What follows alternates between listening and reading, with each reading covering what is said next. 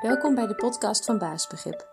Ik ben Sandra en vanuit Baasbegrip bied ik korte coaching en advies om het beste uit jezelf te halen op het gebied van persoonlijke effectiviteit, zelfvertrouwen en communicatie. Meer informatie over hoe dit in zijn werk gaat vind je op de site www.baasbegrip.nl. Heel veel plezier met het luisteren naar deze podcast.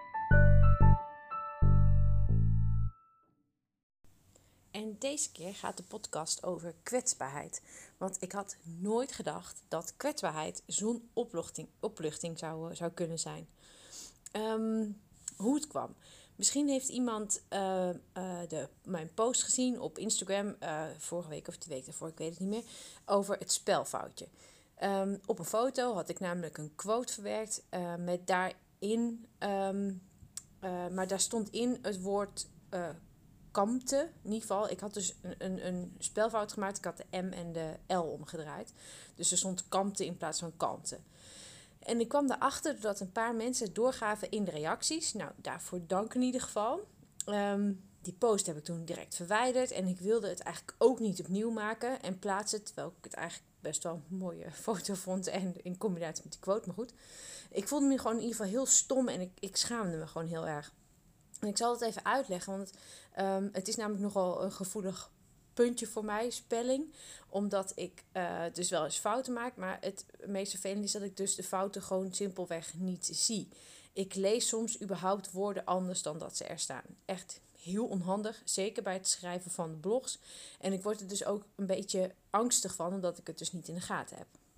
Maar goed, in ieder geval tot zover de, de aanleiding. Want waar ik het eigenlijk over wilde hebben in de blog en uh, in deze podcast, uh, dat is mijn reactie. En vervolgens mijn reactie daarop en het inzicht wat ik vervolgens opdeed.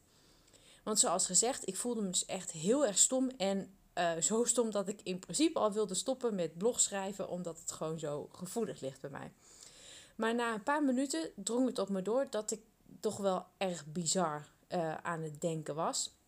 En dat ik een enorm drama aan het maken was over een, uh, om een spelfoutje. Alsof ik geen fouten mag maken en alsof ik alles perfect moet doen.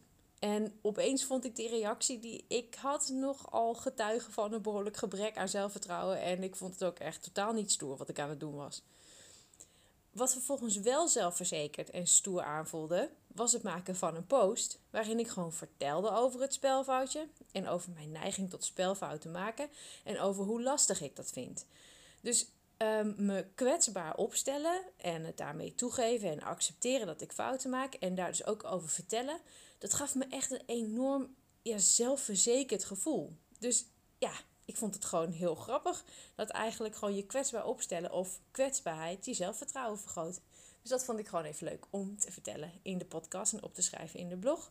Um, dus ja, misschien kun je daar zelf ook een keer wat mee. Um, en ik hoop dat het voor jou ook zo uh, voelt. In ieder geval, tot de volgende blog. En podcast natuurlijk.